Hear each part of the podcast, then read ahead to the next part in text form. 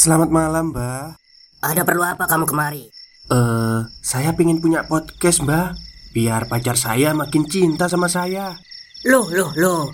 Mau bikin podcast kok tanya dukun? Sekarang kamu download aplikasi Anchor.fm. Di situ kamu bisa buat podcast gratis dan podcast kamu bisa didistribusikan ke platform mana pun. Dan di aplikasi atau website Anchor.fm juga terdapat fitur-fitur yang memudahkan kamu untuk membuat podcast. Oh, gitu ya, Mbak. Kalau gitu, saya boleh minta password wifi-nya, Mbak. Buat apa? Buat download Anchor.fm, Mbak.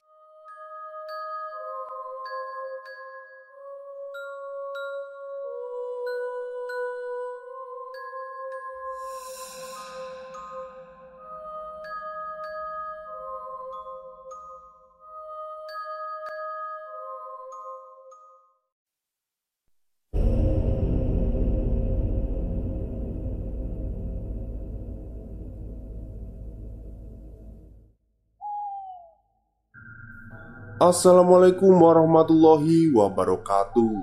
Halo semuanya Jumpa lagi dengan saya Chow Sing Sing Kurator dari Podcast Horror Night Story. Halo apa kabar semuanya? Semoga kalian semua sehat-sehat ya. Dan seperti biasanya pada malam hari ini Saya kembali dan akan menghadirkan sebuah kisah mistis untuk kalian Kisah kali ini adalah kisah pendek dari seorang subscriber yang mengirimkan ceritanya ke email saya. Namanya Jasmine. Oke, daripada kita berlama-lama, mari kita simak ceritanya. Halo semuanya, nama saya Jasmine. Ini adalah cerita pertama saya di sini. Sebelumnya, saya mohon maaf jika cerita ini kurang rapi ataupun kurang jelas. Kejadian ini berawal ketika saya tinggal di kota Kembang, atau yang lebih dikenal, kota Bandung. Waktu itu, saya masih sekitar kelas 4 atau 5 SD. Ya, mungkin antara tahun 2010-2011-an. Sebelumnya, saya ingin memberitahu terlebih dahulu tentang TKP kejadian. Kejadian ini bertempat di rumah yang keluarga kami tempati. Rumah ini cukup besar, terdiri dari tiga lantai. Nah, kamar saya sendiri berada di lantai dua. Saya tidur dengan kakak perempuan saya di salah satu kamar yang cukup besar di sebelah lorong kamar mandi. Waktu itu saya kebetulan harus tidur sendiri dikarenakan kakak saya sedang berada di Jepang selama dua minggu untuk pertukaran pelajar. Kejadian yang menimpa saya ini terjadi pada malam hari. Pada hari H kejadian, tepatnya di pagi harinya, saya sudah merasa was-was dan tidak nyaman. Saya selalu merasa takut dan gelisah seharian sampai pada saat jam tidur saya tiba pada pukul 8 malam Saya merasa amat ketakutan. Lalu saya keluar dari kamar Dan meminta mbak yang bekerja di rumah kami Untuk menemani saya tidur. Bi, temenin aku tidur dong Pinta saya. Aduh, tidur duluan aja neng. Nanti bibit temenin Jawabnya Kemudian saya kembali masuk ke kamar, merebahkan tubuh saya ke kasur. Tetapi saya masih merasa gelisah dan ketakutan. Cukup lama saya menunggu mbak saya di kamar, tetapi beliau tidak kunjung datang juga. Akhirnya, saya memutuskan untuk kembali keluar kamar dan menunggunya di depan pintu kamar saya.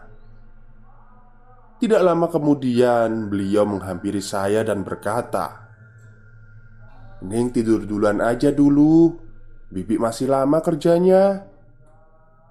Lalu Akhirnya saya masuk lagi ke kamar. Oh iya Posisi kamar saya sangat gelap Karena lampu harus selalu dimatikan ketika sudah jam tidur.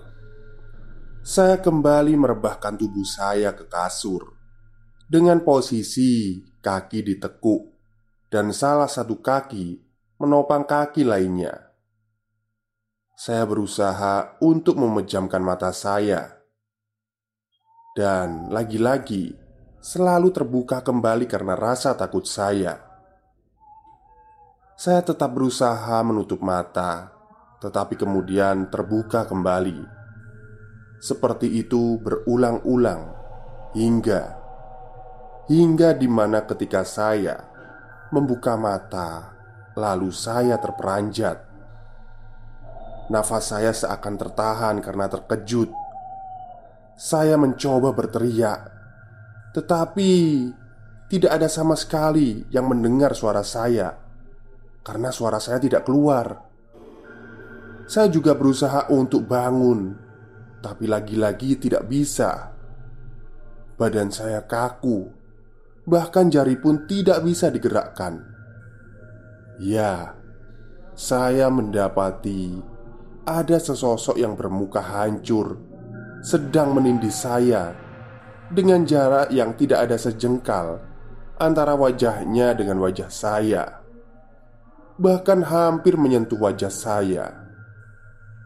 Anehnya, saya seperti mendengar suara di kepala saya yang menyuruh saya untuk melihat ke bagian atasnya. Dan benar saja, saya kembali terkejut ketika melihat bagian atas kepalanya yang terikat. Ya, seperti kain yang terikat. Saya sangat takut saya coba untuk memejamkan mata. Saya pikir itu hanya halusinasi saya saja.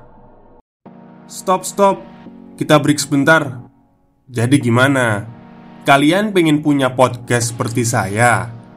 Jangan pakai dukun, pakai Anchor. Download sekarang juga. Gratis.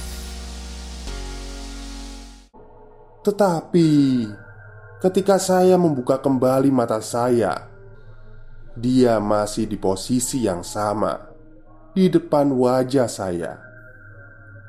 Berulang-ulang saya coba pejamkan mata sambil beristighfar sampai akhirnya sosok itu menghilang. Lumayan lama juga rasanya.